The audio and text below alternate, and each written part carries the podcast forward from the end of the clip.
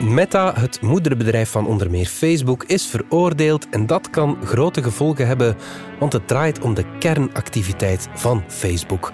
Van de techbeurs CES in Las Vegas onthouden we vooral dat er een nieuwe standaard is voor mobiel opladen. NASA wil dan weer de grenzen van ons zonnestelsel gaan verkennen en we hebben goed nieuws over de toren van Pisa. Het is 13 januari. Ik ben Alexander Lippenveld en van de standaard is dit Bits en Atomen.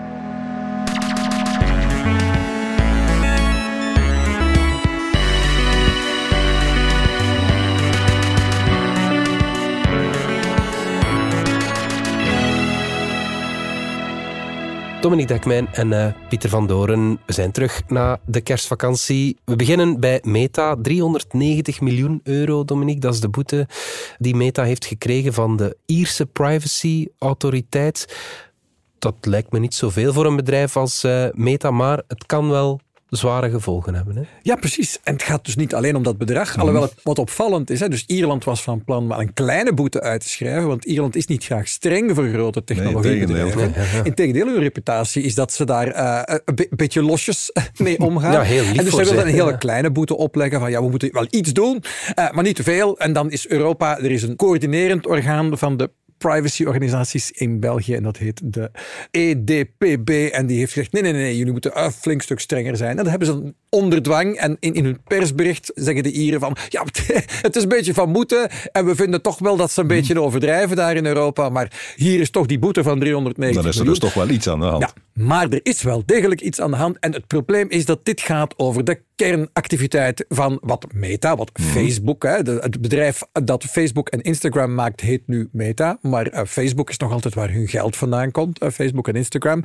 En dus er is een fundamenteel probleem met hoe die producten werken. Namelijk de kern van wat die producten doen is van ja, ze tonen ons advertenties die aangepast zijn aan onze interesses. Dus daarom dat adverteerders met hun geld naar Facebook gaan en niet mhm. ergens anders. Mhm. Ze gaan naar Facebook en Google. Waarom? Omdat hun advertenties daar bij exact de juiste persoon op het juiste moment terechtkomen. Ja. Dat is de kern, dat is wat ze doen al 15 jaar. Ja. En Europa heeft op een bepaald moment gezegd van we willen dat wat controleren. En dan is er die GDPR-wetgeving mhm. uh, gekomen, die privacy-wetgeving, die eigenlijk stelt dat als je iets wil doen met gegevens mhm. van Europese burgers, dat je daar hun toestemming voor moet vragen. En niet zomaar eventjes een venstertje wegklikken. Mhm. Nee, je moet uitdrukkelijk geïnformeerd ja hebben gezegd. Ja. En dat blijkt verschrikkelijk moeilijk. Dus wat heeft Meta dan uh, vijf jaar geleden, toen de GDPR mhm. van kracht werd, gezegd van ja, we gaan een uitzondering gebruiken. Want er zijn een paar kleine uitzonderingen voorzien. En er is een uitzondering die zegt van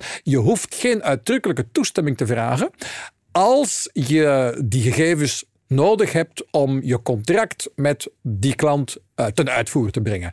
En dan hebben ze gezegd van, ah ja, eigenlijk iedereen die uh, zich aansluit bij Facebook, klikt op de gebruiksvoorwaarden. Mhm. Dat is eigenlijk een contract. Dat is wat wij doen voor dat bedrijf. En dus kun je zeggen, contractueel, als wij een sociaal netwerk willen aanbieden, dan kunnen we dat eigenlijk alleen maar doen met gepersonaliseerde reclame. Want ja, een ander businessmodel bestaat niet voor zo'n gratis uh, sociaal netwerk. Dus contractueel kunnen we niet anders. We tonen de mensen gepersonaliseerde advertenties en ze hoeven daar dus niet expliciet ja op te zeggen. Dat is er een draai aan geven. Hè? Dat was een interessante draai die ze eraan gegeven hebben. En eh, gek genoeg, dus eh, in Ierland vonden ze eerst dat dat best wel steek hield. Maar uiteindelijk hebben ze dus nu gezegd: nee, eigenlijk, dat is niet zo. Mm. dat werkt zo niet. Het is niet zo dat je inherent uh, gepersonaliseerde advertenties nodig hebt om een sociaal netwerk te hebben. En dat je dus contractueel verplicht bent dat te doen. Dat gaat niet. Dus dat wil zeggen dat je al vijf jaar lang illegaal bezig bent. Mm Maar wat betekent dat? Nu, de persoon die verantwoordelijk is voor het indienen van die klacht, vijf jaar geleden al die klacht is ingediend op de dag dat de GDPR van kracht werd uh, in 2018. Max Schrems, zijn naam is al een paar keer gevallen, de uh, Oostenrijkse privacy-ridder, die zegt, ja kijk, Meta heeft nu geen keuze. Zij moeten expliciet aan elke Europeaan nu vragen van, kijk, wij gaan op Facebook u gepersonaliseerde advertenties tonen. Die advertenties zijn aangepast aan alles wat we over u weten en bijhouden. Is dat voor u oké? Ja, nee. Ik en zeg nee. Als ze zegt nee, dan moet je nog altijd gewoon verder Facebook kunnen blijven gebruiken. Mhm. Zo leest Max Schrems die uitspraak. Meta zegt nee, dat is niet waar. Uh, goh, ze hebben onze juridische basis afgeschoten, maar we gaan wel een nieuwe juridische basis verzinnen. En dus naar het schijnt, er is nog een ander achterpoortje. En dat achterpoortje in de GDPR heet gerechtvaardigd belang. Zij kunnen aanvoeren dat, goh, ze zijn toch gewoon een bedrijf en ze hebben toch ook wel recht om een beetje geld te verdienen. Mhm. En dus dat het helemaal niet onredelijk is om mensen gepersonaliseerde advertenties te vertonen. Ze hebben daar kunnen ze aanvoeren een gerechtvaardigd belang bij. En dat zou kunnen, dat ze dat gaan proberen. Maar diezelfde GDPR zegt dat gerechtvaardigd belang, als je dat wil inroepen, moeten wij wel even gaan kijken of dat gerechtvaardigd belang van het bedrijf in evenwicht mhm. is met de gerechtvaardigde belangen van de Europese burger. Zoals daar zijn ze recht op privacy. Ja, het is niet omdat iemand eh, geld wil verdienen op mijn kap dat dat gerechtvaardigd is natuurlijk. Voilà, dus de, het moet in evenwicht zijn. Hè? En het is duidelijk dat het denken in Europa de afgelopen jaren veel is opgeschoven in de richting van, ja, kijk, zo'n inbreuk op onze privacy beschouwen we als best wel ernstig. hè? Mhm. daar gingen we vijf jaar geleden toch, toch vlotter overheen dan nu, denk ik. En dus zelfs als ze dus die nieuwe basis zouden inroepen, dan nog is de kans reëel dat Europa gaat zeggen, we gaan het, de manier dat jullie van die gegevens van Europeanen gebruik kunnen maken, uh, ernstig beperken. En misschien accepteert Europa het helemaal niet. En dan komen we uit bij wat Max Schrems gezegd heeft. Facebook moet toestemming vragen. Mogen we uw gegevens gebruiken om gepersonaliseerde advertenties te tonen? Ja, nee. En als je nee zegt, moet je gewoon verder kunnen gaan met dat gebruiken. Einde van Facebook. Ja, het is niet voilà, dat wil ik ook zeggen. Dat is toch, nee, het is niet het einde van Facebook, maar het, het zou heel, heel, heel veel geld kosten. De reden dat adverteerders naar Facebook gaan, is onder andere omdat er gewoon veel mensen veel tijd mhm. door spenderen, maar vooral toch omdat adverteerders het gevoel hebben, daar kunnen we de mensen bereiken. We bereiken daar mensen, jonge mensen uh, met culturele belangstelling in de twintig die in Antwerpen wonen mhm. en houden van technomuziek. Je vindt exact de juiste mensen. En ja, als je dan gewoon kunt zeggen van ja, maar ik wil dat niet.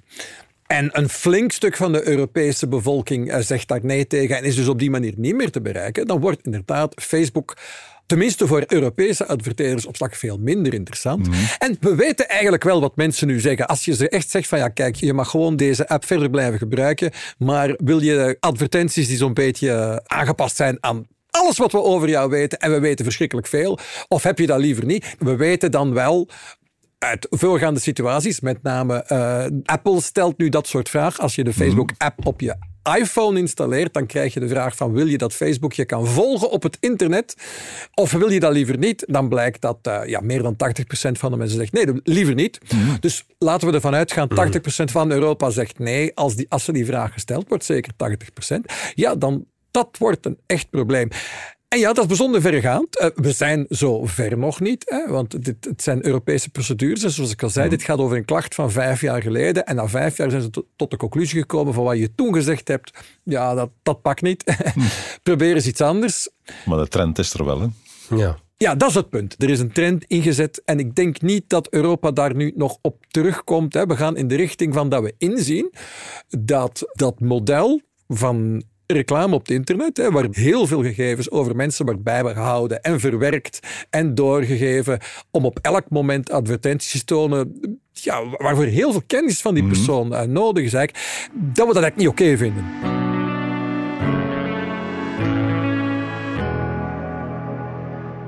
Pieter, tijd voor wat goed nieuws dan uit Italië. Want de toren van Pisa die staat nog altijd scheef, maar vallen doet hij niet meer. Nee, we hebben een nieuw gezondheidsbericht van de toren van Pisa gekregen en dat is positief.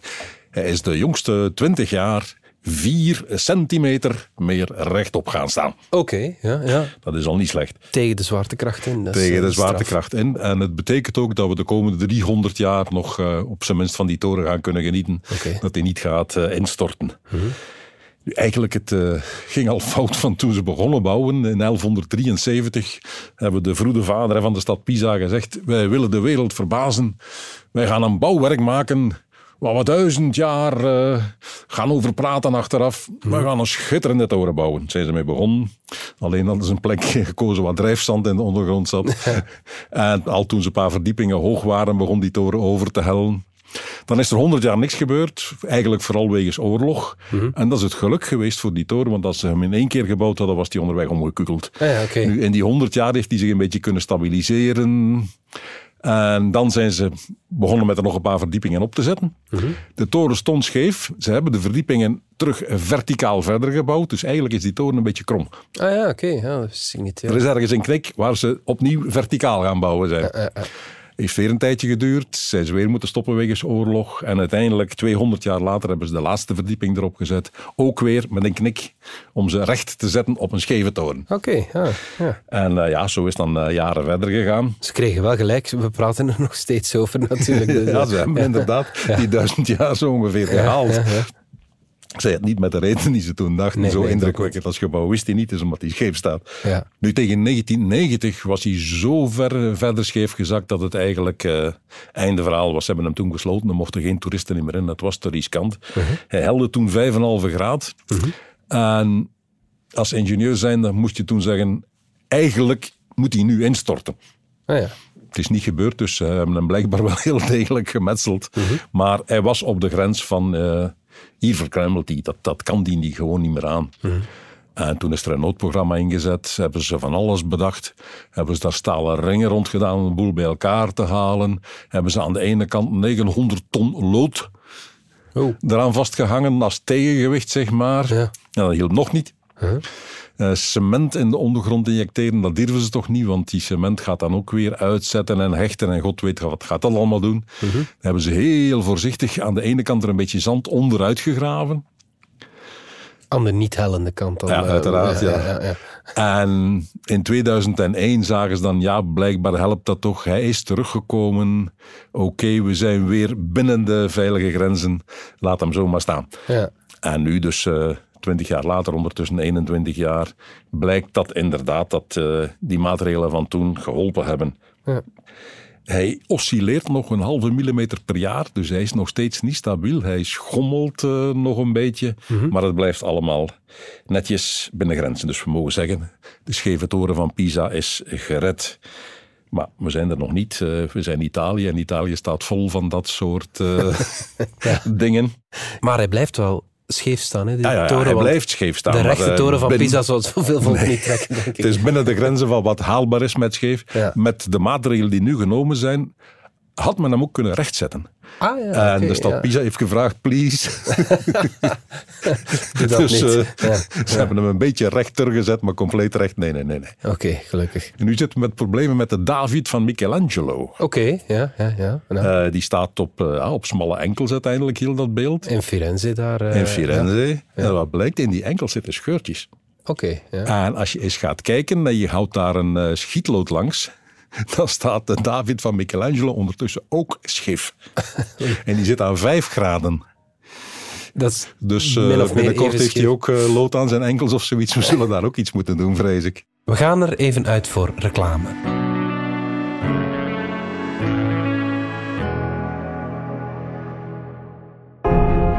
Technologische innovaties en interessante condities bij Mercedes-Benz zetten je rijervaring werkelijk op zijn kop. Kom in januari langs bij Hedin Automotive en ontdek de vele ingenieuze luxe, veiligheids- en comfortpakketten op een breed gamma aan toonzaalmodellen. Of ervaar het gewoon zelf tijdens een uitgebreide proefrit. Ontdek onze voorraad aan stokmodellen op hedinautomotive.be of kom langs in een van onze 20 showrooms.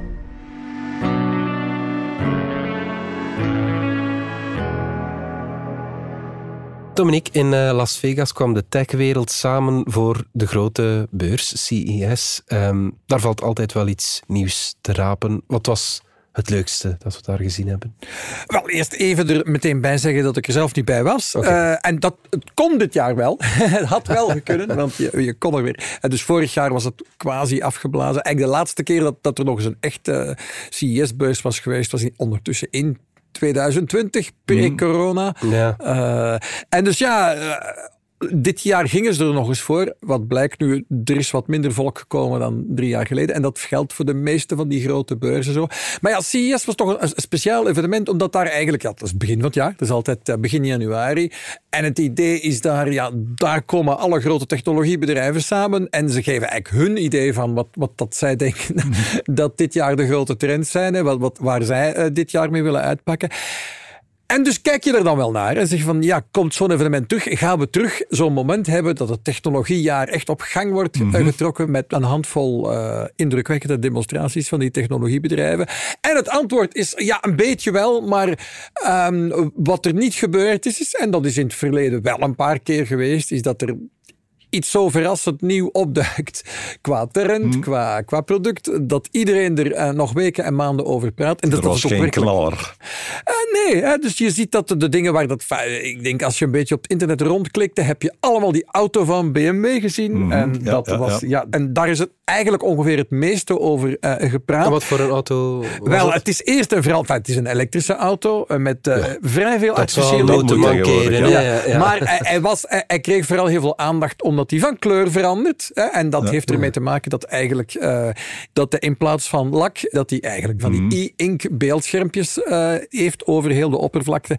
En uiteraard niet omdat ze van plan zijn dat dat zo te gaan verkopen. Want is... Nou, ik zie het nut niet meteen, behalve James Bond. Ik ja, niet dat iemand daar iets aan heeft. Dus geen, geen enkel idee hoeveel het zou kosten om zo één auto te maken die helemaal uit beeldschermen bestaat. Maar Heb het, je dat ooit al eens niet uh, verteld over zo'n auto? Die zo... Ja, dus vorig jaar hadden ze een grijswaardes en nu was het in kleur. Dat was eigenlijk um, Dat was ja, toch een klein beetje symbolisch eigenlijk voor wat al vroeger een beetje fout zat met CES. Mhm. Namelijk dat daar wel eens een keer producten werden getoond die nooit in de winkel kwamen. Dus het was vooral het was eigenlijk voor die grote technologiebedrijven vooral zaak dat er flink wat over hen gepraat werd. Ja, en dan is dit simpel. Hè. Geef het kleur, laat het bewegen en iedereen komt daar naartoe. Ja, precies. Hè. Dus die, uh, want die auto veranderde niet alleen van kleur, maar je kon er allemaal ingewikkelde patronen op laten uh, verschijnen. Dat bewoog allemaal uh, super indrukwekkend. Het andere product waar iedereen dan over geschreven heeft, want er waren zo twee producten die zo duidelijk met de aandacht gingen lopen. De een was de auto van, dus van BMW en het andere was dan een sensor ehm,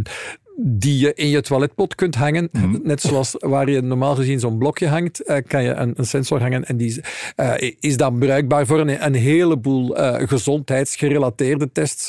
Om te kijken mhm. of je wel voldoende evenwichtig eet. En ook om de, de menstruatiecyclus van vrouwen te volgen. Wat daar blijkbaar best wel interessant is. En dat is een Frans bedrijf, mhm. Willings, dat, dat daarmee uitkwam. Dan moet je niet meer in een potje plassen. Als, ja, precies. precies.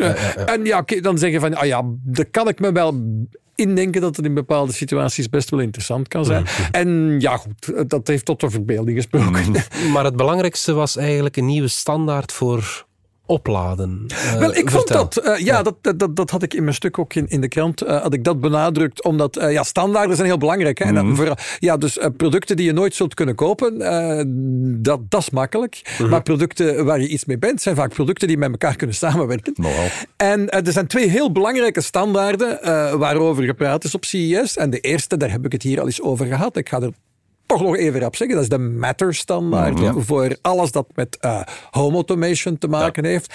En een andere interessante standaard waarover sprake was, was de Qi-standaard voor draadloos opladen. Nu ben ik zelf niet zo'n ongelofelijke fan van draadloos opladen. Mijn smartphone kan dat toevallig. Mhm. Maar ik vind het nu ook niet zo gigantisch lastig om daar een USB-C eh, kabeltje in te steken. als je een kabeltje insteekt of hem ergens oplegt, je moet de actie doen. Hè. Ja. Voilà, dus het, het, is ietsje gemakkelijker om hem op zo'n pad, zo'n Qi-pad eh, te, te leggen. Uh, maar ook niet zoveel gemakkelijker. Uh, het, het, is ook, het is vooral wel leuk als je meerdere uh, toestellen... Mijn vrouw heeft er dan haar smartphone en dan haar Apple Watch ernaast mm -hmm. ook op diezelfde oplaadpad en zo. Dat ja, zijn ook weer fijn, standaarden zijn daar nodig. Maar er is dus een nieuwe versie van die standaard, de Qi 2 standaard. En het hele interessante is dat wij Android-gebruikers, want ik heb hier een Android-phone, dat wij hetzelfde gaan krijgen als wat de iPhone-gebruikers nu een aantal jaar hebben. Namelijk zo'n oplader die je dan kunt... Ja, dat is het goede nieuws. Dus uh, op zo'n iPhone heb je die MagSafe mm. cirkel achteraan. Ja. En daar kan je dus eigenlijk een batterij aan vastklikken. En die ja. pak je dan gewoon mee. Je kan ook andere dingen vastklikken, maar een batterij is toch wel een van de, van de meest uh, populaire.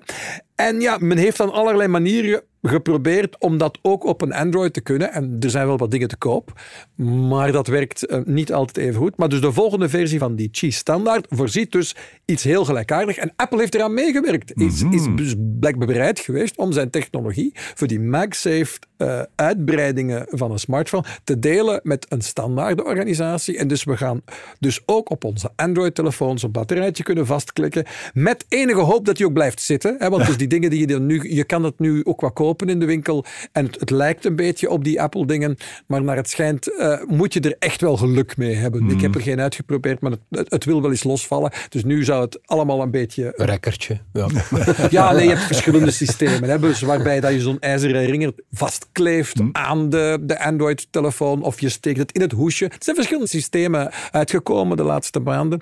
Maar geen enkel ervan zou echt goed werken. Mhm. Dus nu komt er een standaard, waar het dus echt een stuk gemakkelijker wordt om je spullen draadloos op te laden. En dat, is, dat is goed nieuws.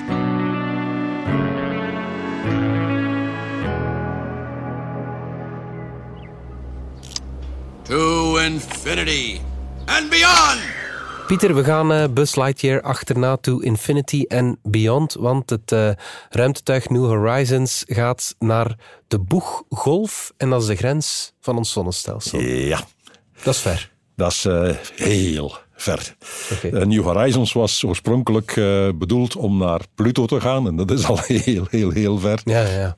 In 2015 is die er ook geweest. Ja, en heeft daar uh, schitterende beelden doorgestuurd van Pluto en ook van de maan Charon die rond Pluto draait. Mm -hmm. We wisten nauwelijks iets over Pluto. Ja, zo ver weg. Op, in een telescoop is dat niet meer dan een vlekje. Mm -hmm. En nu hebben we daar toch redelijk zicht op. Kunnen we dat ding bestuderen. Mm Um, New Horizons was zo goed gemaakt dat hij nog een hoop uh, benzine over had. Uh, nu, in de ruimtevaart moet je geen benzine zeggen, maar hydrazine eigenlijk. In elk geval, hij had nog een hoop brandstof over.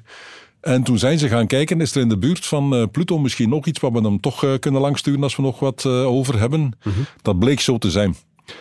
Pluto is ooit planeet geweest, is ondertussen uh, gedegradeerd. Toen men hem vond, dacht men, hé, hey, dat is een planeet. Maar ondertussen weten we, die draait in een gordel, de Kuipergordel, ja. waar het krioelt van uh, stukken en brokken en uh, halve planeten en maantjes en noem maar op. Dus als we Pluto-planeet blijven noemen, dan hebben we er straks honderd die we ook planeet moeten gaan noemen als ja. we nog een beetje zoeken. Dus Pluto gedegradeerd. Mm -hmm. Nu, van al die brokken was er eentje die inderdaad in het pad van New Horizons kwam. Die heette toen Ultima Thule. Ondertussen is die van naam veranderd en nu noemen ze hem Arrokot. Oké, dat klinkt wat Star Wars-achtiger. ja, ja. Het verste ding dat uh, ooit uh, bezocht is ah, ja. door een ruimtetuig. Okay, Toen hebben ze hem in slaap gedaan hebben ze analyse gemaakt en uh, van die hydrazine hebben ze nog altijd 11 kilo van de 78 kilo over. Oh, dat dus hij veel. heeft nog ja. wat uh, brandstof. Ja. Je kunt daar geen grote stunts meer mee uithalen, want als je ergens een koerscorrectie doet, moet je zeker zijn dat alle volgende dingen ook nog met die 11 kilo gedaan kunnen krijgen. Ja. Maar, maar ja, het is alsof het net boven het rode stukje van Zoiets, je brandstofmeter staat. Dus, dus nu eens goed kijken, wat kunnen we doen? Daar hebben ze een tijdje over nagedacht, sinds uh -huh. 2015. En nu in uh, maart gaan ze hem weer wakker maken. Hij was in winterslaap gezet uh -huh. om energie te sparen. Zijn batterij was oorspronkelijk bedoeld om 240 watt af te geven. Ondertussen kan hij nog 200 watt produceren. Ja. Ook, daar kun je dus iets mee doen. Ja. Uh, ze hebben al gezien, als we hem een beetje bijsturen, kunnen we hem in een koers krijgen waar je zowel Neptunus als Uranus nog van toch redelijk dicht kan bekijken. -huh. We gaan daar toch iets uh, over weten, dus dat is al meegepakt. Hè. De uh -huh. eerste opdracht geslaagd, tweede opdracht geslaagd, nu een derde opdracht. Ja. Nou, dat is toch al... Uh, Goede besteding van uh, miljarden. Ja. En hebben ze ook gezegd, uh, als die dan toch wakker is, we kunnen hem ook het uh, stof laten meten dat daar rondzweeft. Ze schatten dat hij een paar keer per jaar een inslagje gaat krijgen van een stofdeeltje. -huh. Daaruit weten ze al iets over dat stof. Een en paar keer per jaar een, een inslag van jaar. een stofdeeltje. Dat, dat, dat, ja, ja, om maar te zeggen hoe niets dat daar uh, is. Hè. En dat is dan nog een eh, stoffig hoekje van het heelal. Want het is daar, dus een gordel, dus weet van alles. Okay. Uit het aantal stofjes hopen ze iets meer te leren over hoeveel daar eigenlijk rondzwiert en hoe vaak die dingen botsen. Mhm. Want het is juist bij de botsingen dat er stof uh, vrijkomt. Dus dat stof nemen we ook mee. Wat ze ook ondertussen uh, beseft hebben, ze hebben gekeken naar het achtergrondlicht dat uh, daar rondhangt. -hmm. En ja, uiteindelijk een plaats ver van de zon, uh, waar geen licht meer zou mogen zijn, behalve dat een beetje naar binnen lekt van de sterren van ver in het heelal. -hmm. En dat licht blijkt dubbel zoveel te zijn dan ze dachten. Ah, ja. Dus hoe we die theorie moeten aanpassen, zullen we nog wel zien.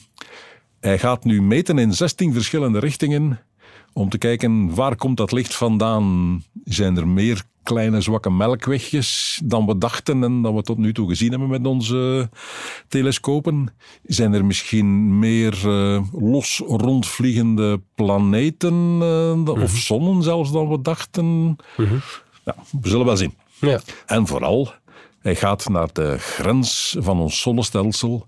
De boeggolf heet dat. En het is een beetje zoals een schip dat door het water ploegt en dat water opstuwt in zo'n ja, boeggolf. Die boeggolf, ook wel heliopauze genoemd in uh, het potjes Latijn, die zit op 120 astronomische eenheden van de zon. Astronomische eenheid is de afstand aarde-zon. De satelliet zelf zit nu op 55, dus er zijn er nog 65 te gaan en hij doet er drie per jaar. Dus ergens in de jaren 2040 uh, ja. komt hij inderdaad in dat terrein waar we overgaan van zonnestelsel naar heelal. Ja. ja. en dan hopen we van daar toch ook nog iets over te weten te komen. Okay. Wat zal blijken. De sterren van de week. Good stage one ignition. To explore where no man has gone before.